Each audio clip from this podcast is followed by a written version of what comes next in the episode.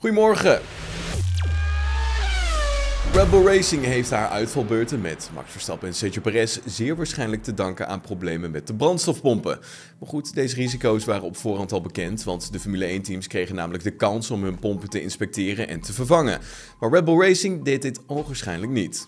Verstappen en Perez kwamen in de slotfase van de Grand Prix beide stil te staan met een probleem in de brandstoftoevoer. Ja, lijkt er nu op dat de brandstofpomp aan de basis ligt van deze uitvalbeurten. Rebel topman Helmut Marco stelde na afloop van de race al dat dit onderdeel niet door zijn team zelf wordt geproduceerd, maar door een externe leverancier die is aangewezen door de FIA. De Formule 1-teams zijn verplicht dit onderdeel bij deze leverancier af te nemen, zo staat ook in de technische reglementen. Echter, ja, het was al bekend dat er mogelijk problemen op konden duiken met deze brandstofpompen. De FIA stuurde daarom al op zaterdag een extra document rond over de fuel pump inspection. Volgens motorsport.com was het rondgestuurde document van de VIA richting de teams al een eerste aanwijzing dat er mogelijk problemen in de lucht hingen omtrent de brandstofpompen.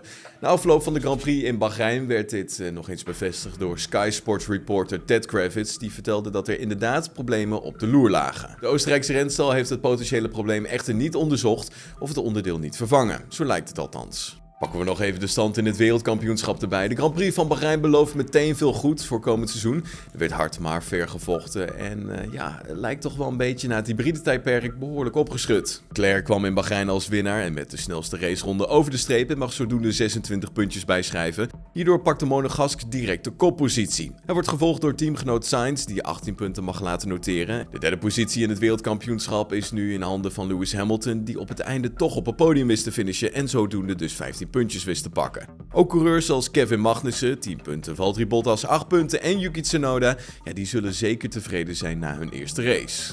Ja, nu we toch lekker bezig zijn, nemen we gelijk even de stand bij de constructeurs met je door. Ja, daar zien we dus Ferrari op 1 staan, Mercedes met 24 punten op 2 en het team van HCV, ja ja, met 10 punten op plekje 3. Dat was hem dan het nieuws van vandaag. Heb je genoten van deze aflevering? Laat van je horen op onze Apple Podcast pagina of volg ons op Spotify.